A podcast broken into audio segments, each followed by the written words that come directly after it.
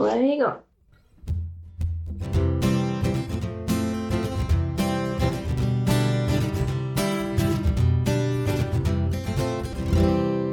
Du lyssnar på Strukturpodden med Erika Norberg och André Kikuchi.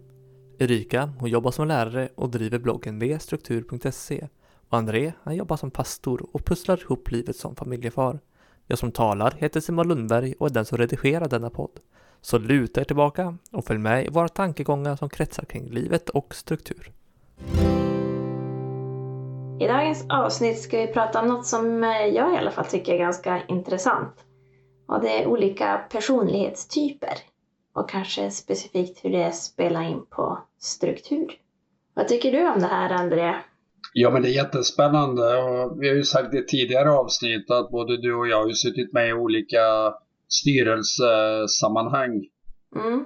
Och eh, vi båda jobbar med människor och man märker ju väldigt snabbt eh, i en gruppering, du som har en skolklass eller jag som har en församling, hur man Ja, när krockar man och när eh, liksom klickar man utan att nästan ens göra någonting. Och det är ju det som är personlighetsbilder man har av varandra. Och ibland kan man ju luras också. Det är ju mest spännande. Man, första intrycket av en och sen när man lärt känna den så blir det något helt annat. Men eh, många gånger tror jag att man faktiskt har i magkänslan ganska bra förståelse för vilken person man möter och hur man kan dra nytta av det eller undvika vissa sammanhang. Ja, och jag tror att ganska många ogillar det här med personlighetstyper för att jag vill inte sorteras in i ett fack eller att de ska säga att jag är sådär eller sådär. Eh, och det kan jag ju förstå. Och man vill ju inte bli, bli låst eller få en för snäv ram att leva i för att folk förväntar sig att man är på ett visst sätt och så kan man inte gå utanför den ramen. Men jag tycker att det är ganska användbart ändå för att, ja men om inte annat lära känna mig själv. Och att, jaha, det här är en grej. Det här är inte som, alla tänker inte så här, utan det här måste jag tänka på att det här är lite specifikt för mig eller min eh, typ av personlighet, att jag är så här. Mm.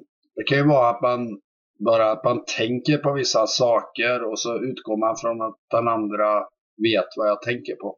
Mm. Och det är inte så lätt för den andra, som min fru sa senast häromdagen, bara, men du måste ju säga det. Bara, ja, just det. och jag själv hade ju sagt det flera gånger i mitt huvud. liksom. Ja. ja. men det kan ju vara så, man hoppar över det som man inte själv tycker självklart och så eh, gör kanske den andra personen också det och så blir det eh, jättekrock där. Mm. Ja, jag tänker på ett avsnitt vi hade här med Victoria Geiroth, att hon berättade att hon svarade på mail ganska personligt till de som behövde det och ganska rakt på till de som behövde det. Ja, det är intressant och det är ju användbart då att känna andras personlighetstyper också. Och har du funderat Erika vem du är? Alltså är du samma person som du var för 20 år sedan idag kring det där eller? Eh, till vissa delar absolut. Och till andra delar absolut inte, skulle jag väl tro. När jag var barn som jag var väl för 20 år sedan, då var jag 10-11 år. Då pratade inte jag med folk. Eller då var jag tyst i nästan alla sammanhang. Det är jag ju inte nu. Eh, så på så sätt har jag ju ändrats. Och det var en sån grej som jag tyckte var lite jobbig, att folk beskrev mig som tyst. Så i den här perioden när jag började försöka prata mer, då kände jag mig ganska hindrad av det. Att ja, men folk har beskrivit att jag är tyst. Då kan jag inte bryta mot deras förväntningar och börja prata. Men eh, med på djupet i vem jag är som person så tror jag att ganska mycket är som det var då. Men lite mognare och kan lite mer. Det är ju en utmaning att bli någon annan. Mm. Men man växer väl. Jag menar både du och jag är ju föräldrar till exempel. Det, det blir ju ett steg i livet som förändrar mm. väldigt mycket. Och är man 10, 15 eller 55 år så är det klart man har olika livserfarenheter. Men jag tror det spelar stor roll var man kommer ifrån. Uppväxt, miljö, arv. Ja. Och att det är ganska svårt att förändra en. Och vi har ju varit inne på det i tidigare avsnitt. Vem är jag och vem vill jag vara? Mm. Eh, jag jobbar på högstadiet och vissa elever eh, som jag pratar med, de uttrycker väldigt starkt att jag vill inte vara så här. Kanske om jag har suttit och haft samtal med dem om att snälla sluta säga fula saker till dina klasskompisar. Och så säger de, jag vill verkligen inte hålla på så här, men jag kan inte sluta.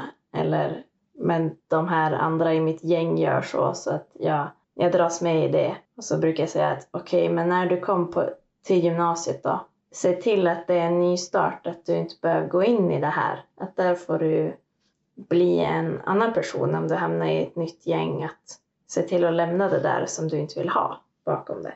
Men det är ju mm. svårt. Speciellt i den åldern kan jag tänka mig. Absolut. Något annat som är svårt är att uh, jag har fel mick, ser jag här i programmet.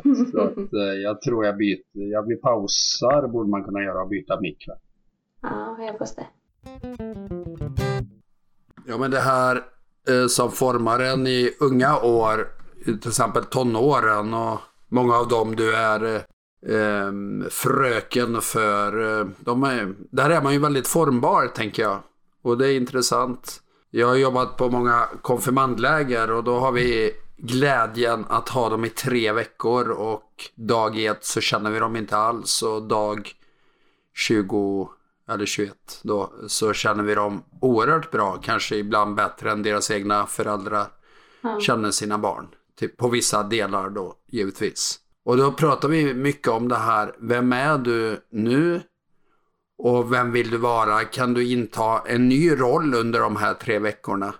För här är inte ditt vanliga sammanhang, till exempel din skolklass, där du har en viss roll. Och det är jättespännande de, ja, det är några få varje år som verkligen anammar detta. Och se hur de växer då. Och sen är det spännande att se på avslutningshelgen, ett normalår, utan corona när alla föräldrar och släktingar kommer. Och så håller de på att trilla tillbaka in i ett gammalt mönster som de har mot sina föräldrar. Men så lyckas de balansera detta och inträda i en ännu vuxnare roll. Och det är bara på 20 dagar. Ja, jag var på ett konfläger, jag har ju också varit på några sådana i mina dagar. Och eh, på bussresan hem så hade jag ett prat med en konfirmand och hon bestämde sig då att men nu när jag kommer hem då ska jag vara positiv. Och hon var en sån, hon, hon brukade mest klaga på allting och var jobbig med sina föräldrar och sådär. Eh, men nu, nu ska jag vara positiv. Och så hon på bussen där ringde hem till sin mamma och sa det. Att, nu mamma, nu vet du, när jag kommer då ska jag vara positiv. Eh, sen vet jag inte, jag vet inte om jag träffade henne någonting efter det. Hon, eh, eh vi hade konfaläger med med personer från olika orter Hon var från en annan ort. Så jag vet inte hur det gick för henne sen. Men eh, jag hoppas att det gick bra. Och jag tror att det är en bra sak att då förvarna personerna i sitt liv att nu har jag förändrats, nu tänker jag vara annorlunda. För att minska risken att ja, men de här har vissa förväntningar på mig som jag känner att jag måste leva upp till. Det kan ju vara så att den jobbigaste du har inom verksamheten blir eh, den bästa 20 år senare. Ja. En framgångsrik person och kanske en stökig barn blir föräldrar, familjefar, företagare som gör allt för ideell verksamhet och så. Men du hade aldrig trott det när du mötte den som 10-12-åring. Ja. Så att, eh, ja, den konsten är att balansera vem man är och vem man vill bli och vägen däremellan. Det finns ju en del böcker kring det här eh, som det gör i allt vi pratar om. Men det är ju några böcker vi har läst här och det är ju en av dina favoriter som eh, du utgår ifrån, Gretchen Rubin. Mm. Ja, det här, när jag läste det här, det var en stor... Eh, jag gör en, en rörelse. något eh, skruvades om i mitt huvud. Att, nej, något klickade till när jag hörde eh, hennes ramverk med fyra personlighetstyper. Eh, jag tyckte det var jätteintressant och, och jag tyckte direkt att det ändrade min förståelse för andra människor. Eh, så hon eh, delar in personer i fyra personlighetstyper. Hon, hon eh, är som jag, att hon gillar personlighetstyper överlag så hon har också massa andra saker man kategoriserar sig själv i. Men men det här är ett sätt och det är vad hon kallar upholder, questioner, obliger och rebel. Eller som jag har översatt dem då, upprätthållaren, ifrågasättaren, tillmötesgångaren och rebellen. Mm. Och den stora grejen med det här är hur man reagerar på förväntningar. Att det finns inre förväntningar och det finns yttre förväntningar. Att de inre förväntningarna, det är det som man själv kom fram till att man vill göra, till exempel ett nyårslöfte eller jag har bestämt mig för att jag vill göra det här. Allt ifrån att jag ska springa ett maraton till jag ska sopa golvet idag. Eh, och sen yttre förväntningar alltså förväntningar som någon annan har på en. Till exempel en deadline på jobbet. Att chefen har sagt jag vill ha det här till då. Och så förhåller det till hur, hur hanterar du den förväntningen då? Och finns det någon nackdel med det?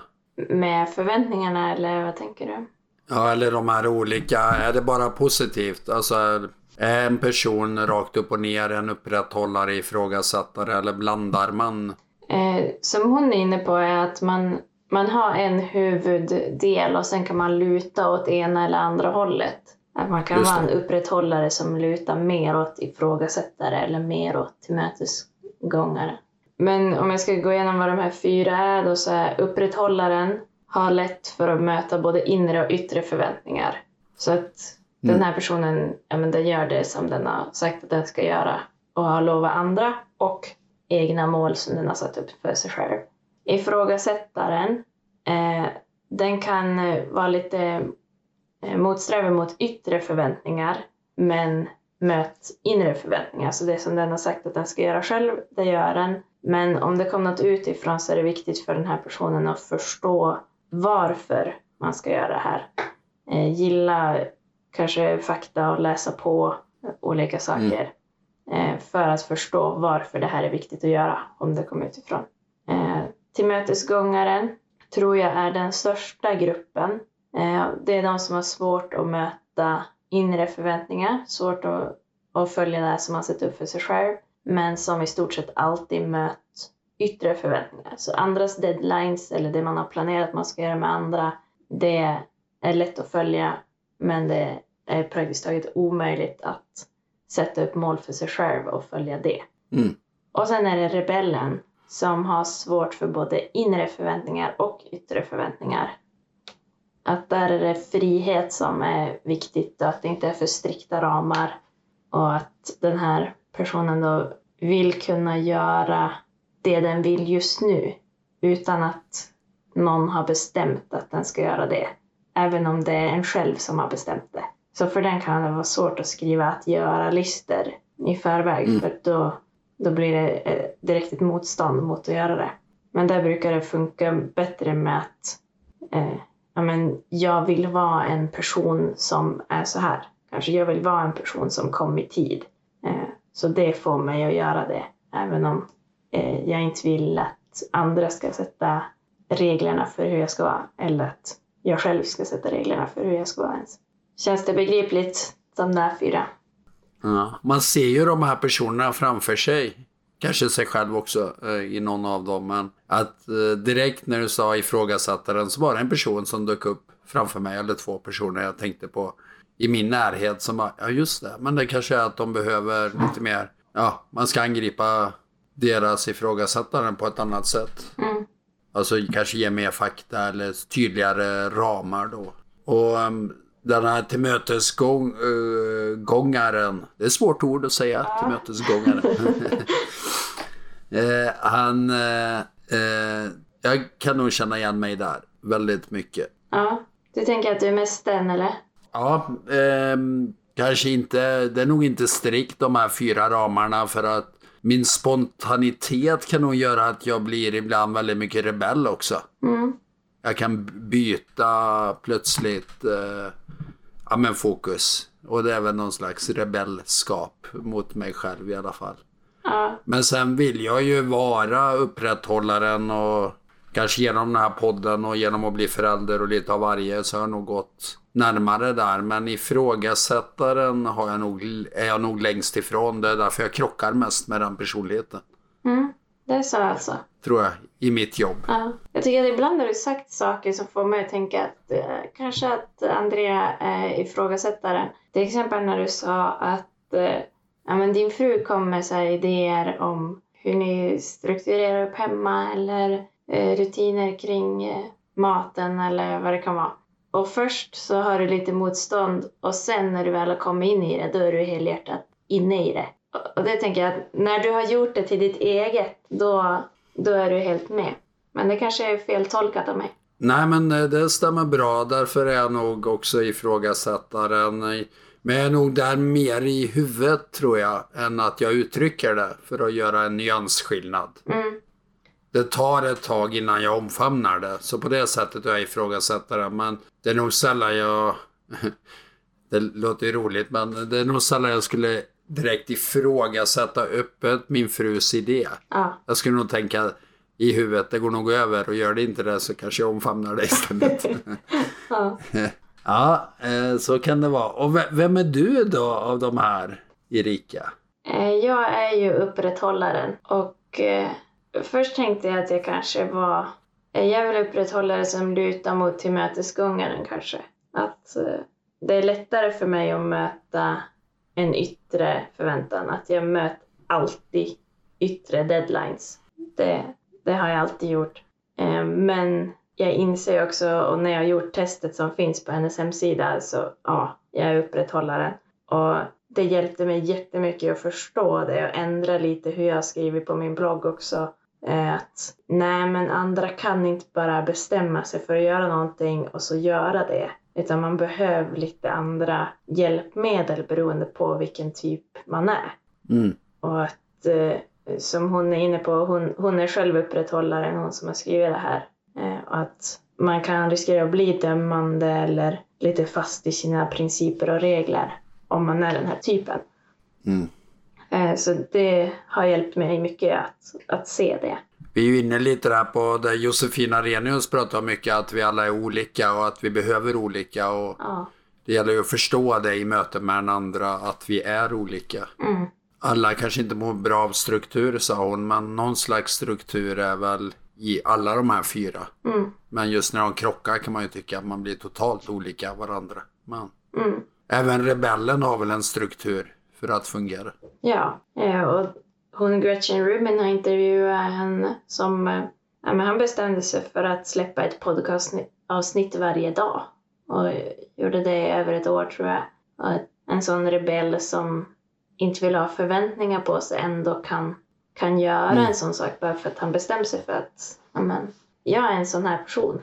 Ingen kan säga åt mig att jag inte kan göra det här. Eh, Så att man kan vända på det lite. Men tillmötesgångaren och ifrågasättaren är de absolut största grupperna. Så de flesta hör till någon av dem. Och rebellen är den minsta tror jag hon har sagt. Har hon är detta ett eh, europeiskt eller amerikanskt perspektiv eller ett världsperspektiv? Vet du det? Ser det likadant ut i alla länder eller spelar kultur och miljö in? Hon är amerikan, hon som har gjort det. Eh, Jag har inte grottat ner mig så mycket i det, men jag tror att hon själv nog skulle säga att, eh, att det är eh, världsomfattande. Sen har jag Mm. läst lite diskussioner om att en del kanske tänker att det är fler i vissa kulturer som är tillmötesgående och så här. Men, men jag tror väl på ett sätt på henne att det är nog det är kanske högre krav på att vara på ett visst sätt i olika kulturer men hur man är inuti är nog ändå som det är. Och sen kanske det krockar mer eller mindre med kulturen som man lever i. Mm.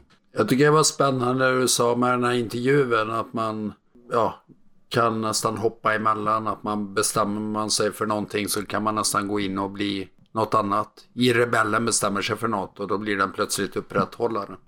Mm. På just eh, den saken. Men det kan ju krävas eh, olika strategier för att uppnå samma mål beroende på vem man är och hur man är. Mm. Så att de allra flesta personer eh, som hör till tillmötesgångaren, de eh, behöver någon annan som håller dem ansvariga eller för, som hjälper dem att eh, följa något. Så att ska en tillmötesgångare sätta upp ett nyårslöfte, då måste de boka in med någon annan att göra det tillsammans eller att någon annan kollar av eller att det är någon annan som har förväntningar på en för att det ska hända. Ja, säger jag som ligger där. Jättemycket. Och behov av att också berätta att ja, men nu har jag gjort det här. Det blir lite samma grej. Att man, ja, Ska jag springa för någonting, nyårslöfte, jag ska springa ett visst antal mil på ett år eller vad det är, så måste jag ju berätta efter varje mil att jag minsann har sprungit. Ja. Eller vad det nu är. Och sen att man, eh, om man till exempel är gift med en ifrågasättare, att man är beredd på att svara på varför-frågor eller förklara anledningen till varför någonting är viktigt för att få igenom det. Och om man själv är ifrågasättaren, eh, se till att kanske inte fastna i att bygga upp med massa faktaargument. En del kanske behöver mer känsloargument bakom för att, för att man ska göra något. Eller en del bara gör det och behöver inte den där långa förklaringen. Det är ganska bra att ha en treåring hemma. Det är bra träning. är det mycket varför? Och alla varför. Just nu är det väldigt mycket rebell och ifrågasättande. Mm. Och väldigt lite av de andra sakerna. Fast de finns ju där också. Men ja, det är spännande. Man, eh, när man inte är där själv och man får förklara och man förklarar för femte gången samma sak. Och man läser böcker och, och ska förklara vem personen är. Och så vet man inte. De har bara ritat en figur och så ska man ändå förklara. Ja. Ja. Och så säger man någonting och så svarar han, men igår sa du att det var så här. Bara, Ja. Så att, ja, och det, det. Men vi pratade lite i början, eller de här, när man är, jag är så förkyld idag så att, jag kan ju säga det om man tycker man, att jag låter konstigt. Så. Eh, men det här att det finns ju analysverktyg för att ta fram vad är vi för personer. Det är ju inte bara Gretchen Rubin eller det finns ju en rad olika och företag som jobbar med sånt där. Och sitter, sitter du i en valberedning eller i en styrelse eller leder ett företag så kan det ju vara nyttigt att ta till sån hjälp. För att se lite vad, ja men vårt företag vi bygger upp, är det en viss personlighetstyp rakt igenom då kanske vi går miste om någonting. Ja. Eller en styrelse. Och eh, vi har väl en tendens att umgås med de som är lika varandra. Och det är väl det som också är utmaningen att sätta ihop en grupp människor som faktiskt är olika varandra och det blir en styrka. Ja. Jag hade förmånen att göra det här när jag hade ett vikariat i drygt ett halvår i en organisation eh, för en tjänst som sen din fru fick, André. Mm. Eh, Men det var superintressant. Det var jättekonstigt test tyckte vi allihopa. Är du mer eh, grön än blå? Nej, det var inte, såna, sån, det var inte så flummigt. Men, men det, ja, det kändes som att det här är jättekonstigt. Och sen fick vi ett häfte som beskrev oss klockrent. Eh, Med långa Mm. meningar och listor med det här är dina styrkor, det här är dina svagheter, det här kan du tänka på, det här Eh, kan andra tänka på när de jobbar med dig. Och sen också placera in oss på, eh, på en cirkel med olika färger med hur, hur man var som personer. Och då såg vi ganska tydligt sen när vi fick se alla placerade på den här kartan att i den organisationen var det jättemånga som var eh, som fokuserar mycket på att bry sig om personer, ta hand om personer. Vilket är jättebra att ha såklart. Men vi var två eller tre stycken som var på sidan få saker gjort. Eh, och kanske 15 på bry sig om personer. Och, eh, Mm. och jag var en av dem då som få saker gjorde och jag var bara vikarie. Eh, så Mm. det var kanske två ordinarie så att eh, där skulle man kanske ha behövt rekrytera eh, lite mer åt det hållet för att få mer av alla områden täckta. Så det blir inte bara trevliga kyrkkaffen. Nej. Eller kaffe utan jobba däremellan. Och, ja, jag satt med i en styrelse, en nationell styrelse för en större organisation och då gjorde vi också det. Och jag tyckte när jag läste då att det inte stämde så hemskt bra. Eh, Jag kommer inte ihåg vad det var jag reagerade på men jag kände ju igen huvuddelen. Då var det fyra bokstäver som man var, eller Ja, mycket av eller lite av. Den typen. Mm. Ja, men eh, så läste jag det där några år senare och tyckte det stämde perfekt. Mm.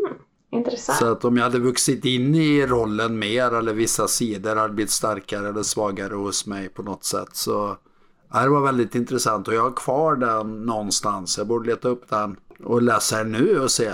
För nu är det 15, är det för, ska vi se, ja 15 år sedan jag gjorde den. Mm. Ja, det är nu sex år sedan jag gjorde det där testet så jag borde läsa det häftet igen också och se. Mm. Ja, men jag tycker sånt här är jättekul och jag tycker att det är jätteanvändbart att göra sådär i arbetslag eller så när man Mm. samarbetar med på olika sätt för att få lära känna varann mer. Och vi gick en runda också att man fick eh, nämna någonting ur listan. Det här borde man tänka på när man kommunicerar med mig, tror jag det var. Någonting sånt. Eh, och det var ju jättebra att få höra alla välja ut den som de tyckte var viktigast och hur man reagerar på det. Som någon sa att ja, men jag kom och, och ställa många frågor varför det här och varför det här och det behöver inte betyda att jag är negativ till saken. Jag vill bara att vi ska ha tänkt igenom det ordentligt. En sån Mm. sak är jättebra att veta. Att den här personen kanske inte är kritisk mot idén utan vill bara att vi ska göra det bästa av det. Och kan man lära känna de sidorna varför man gör som man gör, då kommer man ju oerhört långt. För då kan man ju ha det som en styrka. Att, ja, man ska ta ett beslut i ett företag och så går man ett varv så förstår man.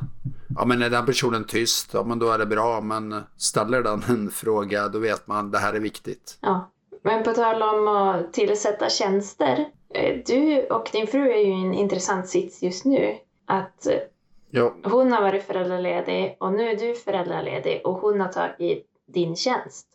Hur ja. funkar det? Eh, i alla fall titeln på min tjänst och sen har hon format den lite efter sina gåvor och styrkor, ska väl säga. Ja. Så att den är inte helt, eh, ja, det är ganska som en pastortjänst ofta är, den är ganska gåvobaserad. Och så står man i, den församlingen är vi en 200 stycken. Eh, så får man ju anpassa sig för sina gåvor och kunskaper. Och vi har gjort det en gång tidigare när vi bodde i Luleå så gjorde vi samma sak. Och, ja, det är nyttigt. Och ehm, också se lite, oj hon gör på det sättet. Jag har ju ganska bra insyn. Jag försöker hålla mig därifrån men hon delar ju saker med mig. Så att.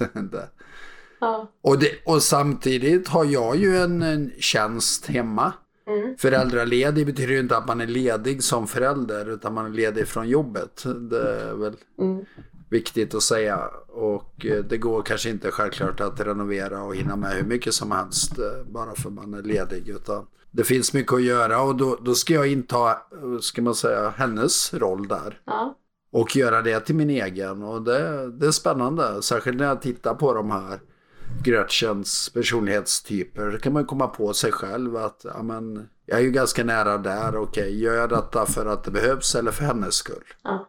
Eller för min egen skull. Eller vad det är som driver mig. Eller för barnens skull. Förhoppningsvis. Då. Men. Och det finns ju alltid en kritik mot allt sånt här. Och det, det tydligaste är väl den här boken Omgiven av idioterna. Ehm, för att som den slog igenom så tydligt så eh, finns också en del kritik. Men det är ju att man väldigt fördomsfullt bestämmer sig, kategorisera människor. Och det är ju också en risk, tänker jag, i, ett, i en familj att man intar en ganska klassisk syn på vad gör mannen, vad gör kvinnan i, i familjen. Så eh, det finns mycket att jobba och fundera över och tänka på. Det är ju inte jätteovanligt att man är föräldraledig i ett svenskt perspektiv, men man kan ju fortfarande möta att jaha, och är du föräldraledig liksom? Lite hur går det, du som tjänar pengar eller vad det är? Och så. Ja, de här klassiska bilderna. Och, så. och en bok som vi hade mycket som hjälp eh, var inte omgiven av idioter eh, faktiskt. Ett, ja, men jag har nog läst den boken, men eh, jag kommer inte ihåg så mycket från den. Men en annan bok som jag har haft mycket nytta av, det är ju Kärlekens fem språk. Nu har jag inte författaren i huvudet, det borde jag ha här, men... eh, Gary Chapman vill jag säga. Ja, det tycker jag låter... Jag försöker... Jag ser den faktiskt ifrån min, mitt... Eh, där jag är placerad. Jag har en bokhylla här. Den har röd eh, baksida och det var närmast mig. Mm. Om man har färg, Gary Chapman verkar det vara. Ja. Och det, det utgår ju väldigt mycket från eh, alltså ett förhållande, alltså paret. Mm. Och hur man fungerar i hemmet. Och det är en bra äktenskapsbok för att förstå att man kan vara olika och att det blir en styrka. Och till och med att man kan göra saker för den andres skull även om man inte själv har någon nytta av det. Det tycker jag är väldigt spännande. Okej, men jag gör detta för att jag vet att min man eller min fru mår bra av det. Även om jag, för mig kanske inte spelar så stor roll. Mm. Och det är ju lite att bryta den där, jag är den här personen. Och så går man in och ja, att lyckas gå över de där gränserna. Överraskningsmomentet är ju spännande. Mm. Ja, boken tar ju upp eh, följande delar. eh, Fem kärleksspråk skulle man kunna säga. Och kärleksspråk nummer ett är ju ord som bekräftar den andra. Kärleksspråk nummer två är tid tillsammans. Nummer tre är gåvor. Och nummer fyra är tjänster. Och nummer fem är fysisk beröring. Och har du inte läst boken så eh, blir det ju lite platt att bara säga en rubrik. Men han går väldigt djupt in i eh, 10-15 sidor på varje sån här eh, grej och ger exempel. Mm. Och eh, för dig kanske inte betyder så mycket att få gåvor men för din man eller fru eller partner då kanske det betyder jättemycket och då kanske du kan ge en gåva för att uppmuntra eh, personen på det sättet. Eller göra en tjänst eller ge en fysisk beröring även om du inte själv går igång på det. Mm. Och kunna det och eh, jag vet inte hur det är med dig Erika men är du och din man har ni olika uttryckssätt på de här fem? Eh, Vi gjorde några test för ett tag sedan på det där och vi hade exakt samma eh, kärleksspråk i ordning. Så det är ju smidigt. Sen visar vi Ja. det nog på olika sätt kanske. Men, eh, men det är väl en fördel för oss då att vi, vi förstår och tar emot eh, på samma sätt ungefär. Där har jag ju hört andra som har det mycket svårare. Hur har ni det? Ja, där är jag. Jag och min fru, vi är väldigt olika och det är nog eh, också mycket arv och miljö, var man kommer ifrån, som har spe, speglat eh, behoven, Ja. tror jag, väldigt mycket. Och det, är- det är jättespännande. Det kan bli frustrerande i vissa lägen, men bara vetskapen om det. Vi har ju läst den här boken tillsammans och pratat om den. Mm. eh, av och till. Och det kanske är snart dags en gång till. Nu har vi snart, ja vi har varit tillsammans i, vad är det, fem år nu någonting. Så att det kanske börjar bli dags igen att läsa den. Eller leva efter den. Läsa den kan man göra. Ja. Ja, men det är ett bra samtal att ha tror jag. Jag tror att många Mm. av de här personlighetsgrejerna är, är bra grund för samtal. Eh, och då blir det inte heller att man börjar sortera in sig i ett visst fack utan det kan ju vara att det här känner jag igen mig mycket i men det här känns inte lika rätt för mig. Men det här kan du tänka på när du pratar med mig. Mm. Både med partner och med kollegor och alla möjliga. Men jag har en liten snabb lista här på, på lite andra personlighetsdrag och personlighetstyper som vi kanske kan dra igenom några snabba tankar om. Introvert eller extrovert måste man ju prata om i ett sånt här sammanhang känns det som. Absolut. Var placerar du dig på den skalan? Ja, jag är nog... Ja, på när jag gjort ett sånt där test så är jag väldigt udda för jag är både och. Mm. när jag beskriver mig, jag skulle vilja säga att jag är väldigt extrovert, men eftersom jag tänker så mycket utan att säga det så blir jag introvert. Så de, de två krockar i mitt fall. Ja, jag gjorde något test och där eh, hamnade jag Du är den mest extroverta av de introverta eh, Ja, personlighetstyperna. just det. Ja. Eh, Så jag är, jag är introvert men väldigt nära mitten kan man säga. ja.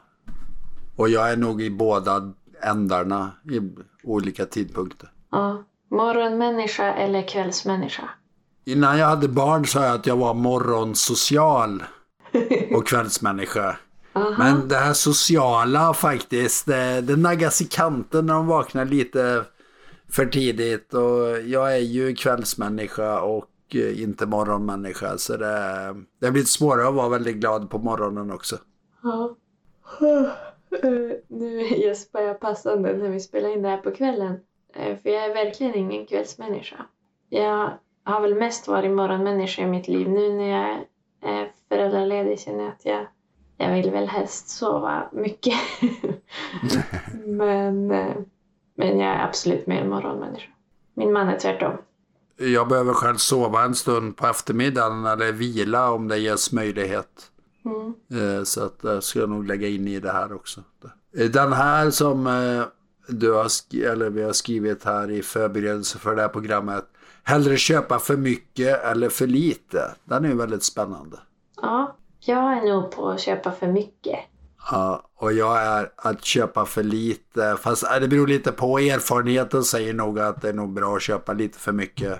För att det ska räcka i mitt fall. Men eftersom min fru bygger mycket på det här med tjänster och gåvor så blir det ju alltid för mycket där. Om vi ska ja, ha en bjudning och göra lite mat och fika och annat. Det, det är ju för mycket och jag är nog mer. Ja, det räcker väl så här. Känner du att om ni har bjudit på middag och allt är slut, då kände du att det var precis lagom? Eller kände du att ja, det blev lite för lite? Ja, jag skulle nog känna, jag skulle nog inte reflektera över det om jag inte ser att folk liksom sitter och skrapar på tomma tallrikar. Som Ja. att, Eller om det är en potatis kvar, då var det perfekt. fast nu som barnfamilj skulle jag säga det var synd att det inte blev några matlådor över. Faktiskt. Det, ja. Mm. Eh, hellre spara eller slänga? Ja, där har jag gjort en liten resa från spara till slänga eller ta tillvara på kanske man skulle säga. att eh, Nu eh, ser jag nog på ett annat sätt men eh, förr kunde jag nog spara på allt möjligt utan att slänga något. Alltså bara, bara samlar. Jag med. Eh, Jag har gjort samma resa. Eh, Jag nämnde väl i något avsnitt att jag hade sparat använda kuvert utan Mm. någon tanke på att använda dem igen. Men eh, de var kvar. Eh, Och nu, nu vill jag gärna slänga eller återvinna eller sälja det, det jag kan. För att det är så smidigt att ha få grejer att eh, städa och hålla ordning på och leta i. Absolut. Jag känner igen det. Och då är det ju det här, tycka om att ha många saker eller få saker, sitta ihop med det. Och både du och jag har ju gått till att i alla fall ha färre saker. Få saker stämmer nog inte på någon av oss Nej. riktigt. Men eh, att man är mer medveten vad man har i alla fall. Det tycker jag. Ja.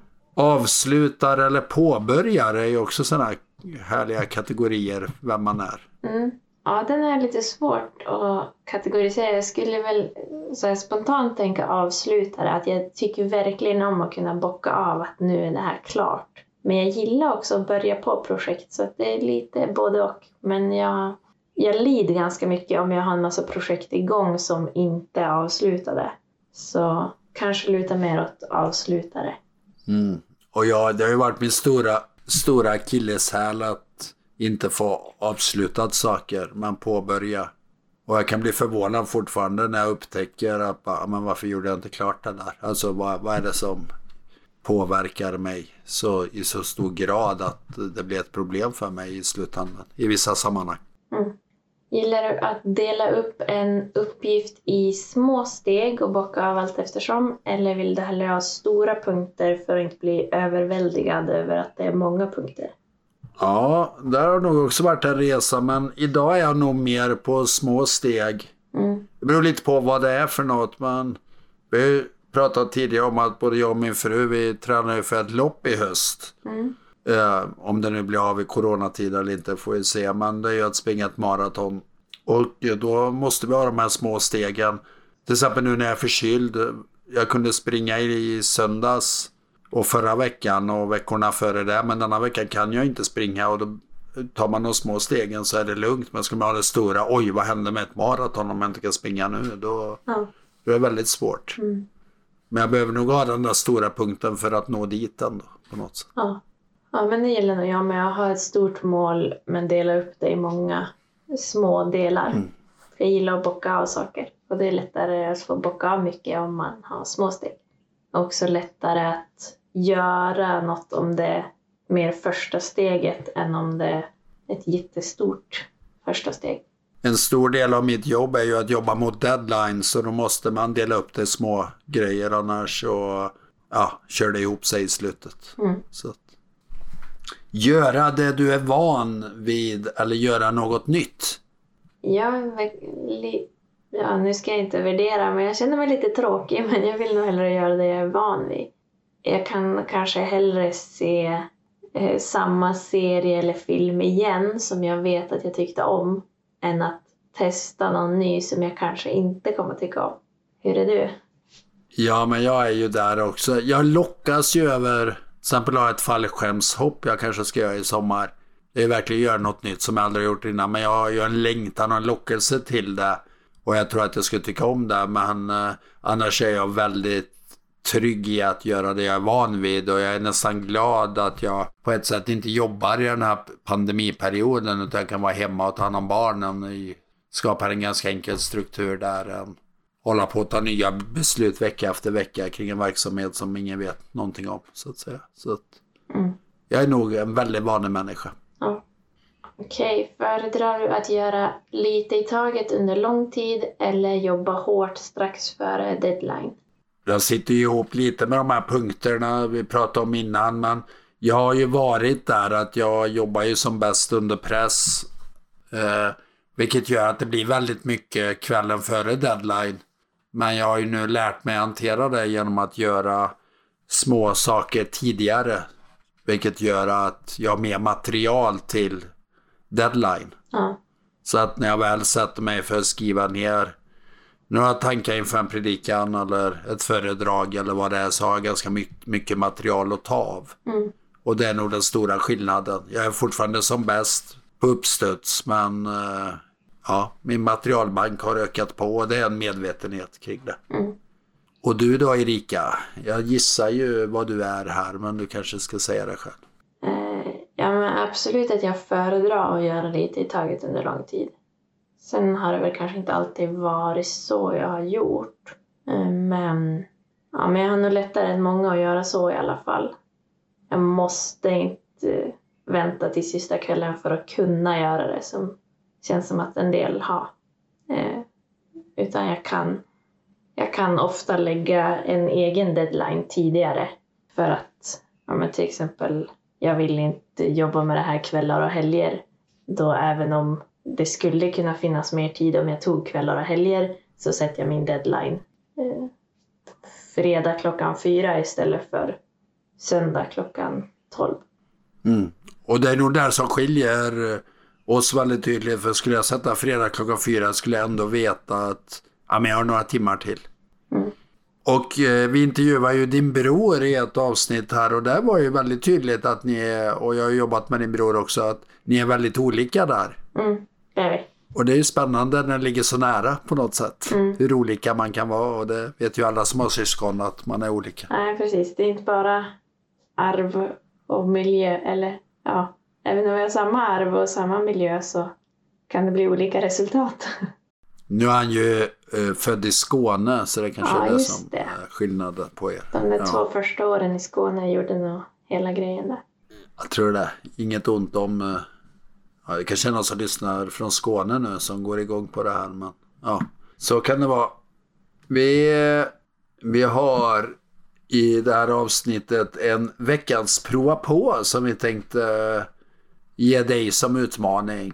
Och det är att gå in på någon sida på nätet. Du behöver inte betala för det även om eh, de du betalar för är nog eh, ibland eh, kanske mer ordentliga. Men det behöver inte vara så. Men vi kan väl länka på eh, i, från det här programmet till personlighetstest att göra. Och så kan du se eh, om du tycker den bilden stämmer, om du är den du vill vara. Och så framförallt att du delar det med någon och någon som känner dig ganska bra. Och ni kanske är i ett förhållande så kanske ni båda kan göra det eller bra kompispar och så ser man vad är styrkan. Mm. Och Då kan man ju få, det här tycker inte jag passar på mig, tycker du att det passar på mig? Och, ja, men det finns ändå något där. Eller, nej, det där tycker jag inte stämmer alls. Det kan bli ganska intressanta samtal. Man kan lära sig ganska mycket om sig själv och om den andra personen. Och eh, har du precis gjort ett sånt test och tycker ja, men det där har jag bra koll på så är det ju ändå intressant att förkovra sig och vi ger också länkar till lite böcker att fördjupa sig i. Mm. De vi har tagit upp och det kanske kommer upp någon vi inte har nämnt också eh, här i podden idag. Men eh, fundera på det och eh, vill du dela med oss tankar, funderingar och eh, ja, vad du har på hjärtat så skriv till oss. Vi tycker det är jätteroligt när det kommer in frågor och funderingar. Och då skickar du till hej strukturpodden.se eller använder kontaktformuläret på strukturpodden.se. Där vi lägger också upp alla länkar och sammanfattning på programmen. Mm. En kortare sammanfattning på varje program finns ju på hemsidan. Och vi kan ju också säga här, för det har vi fått frågor om, har vi bara gjort tio avsnitt? För att går man in på vissa poddtoppar så är det bara de tio senaste. Jag upptäckte det senast idag när jag ska kolla vilket avsnitt vi är på. Men vi har ju faktiskt 43 avsnitt ja. med det här vi pratar i nu. Så eh, det lättaste då att hitta alla är ju att gå, gå in från hemsidan, alltså strukturpodden.se. Då får du inte bara de tio, tio senaste. Och sen kan man ju testa någon annan podcast-app också, så kan man få alla. Spotify visar inte alla till exempel, men, men många andra appar gör det. Och vet du varför den inte gör det kan du också gärna höra av dig om det finns något knep att komma runt det eftersom mm. det är en vanlig fråga vi får. Ja. Mm. Och så kan ni gärna vara med i vår Facebookgrupp som också heter Strukturpodden. Kan vi få igång några spännande samtal där. Precis, vi fick ju ett avsnitt vi hade om att bli förälder för ett tag sedan. Då var det ju någon som skrev hur många goda tips som helst på den här Facebookgruppen. Ja, det var jättebra. Och en annan förälder som upptäckte wow, det där var ju kanonbra. Mm. Att jag inte har tänkt på det. Så att dela mellan er på det sättet. Så blir det bra. Ska vi säga något om sommaren också? Ja, det är ju snart nu sommar. Det närma sig. Ni kanske hör fågelkvittret här utanför mitt fönster. Eh, men vi tänkte som förra sommaren göra lite special. Eh, kanske att vi tar vartannat avsnitt eller sådär. Men vi tänkte ändå fortsätta släppa avsnitt under sommaren. Eh, varannan vecka som vi brukar göra. Eh, så att det är bara att hänga kvar. Så fortsätter vi dyka upp i dina öron och appar. Och har du tips på något ämne vi ska ta upp så hör av dig. Ibland eh, ger ett lyssnarmail ett helt, ett helt program och ibland eh, svarar vi mer på frågan eller hänvisar till gamla programmen. Det är väldigt nyttigt, kanske en gäst, att intervjua. Ja, eh, så stort tack för att du har lyssnat och eh, gör något personlighetstest och diskutera med någon. Kanske diskutera i vår Facebookgrupp om eh, du vill. Och stort tack ja. till Simon Lundberg som klipper ihop ja, detta. Tack så mycket och ha det gott till vi ses igen. Hej då!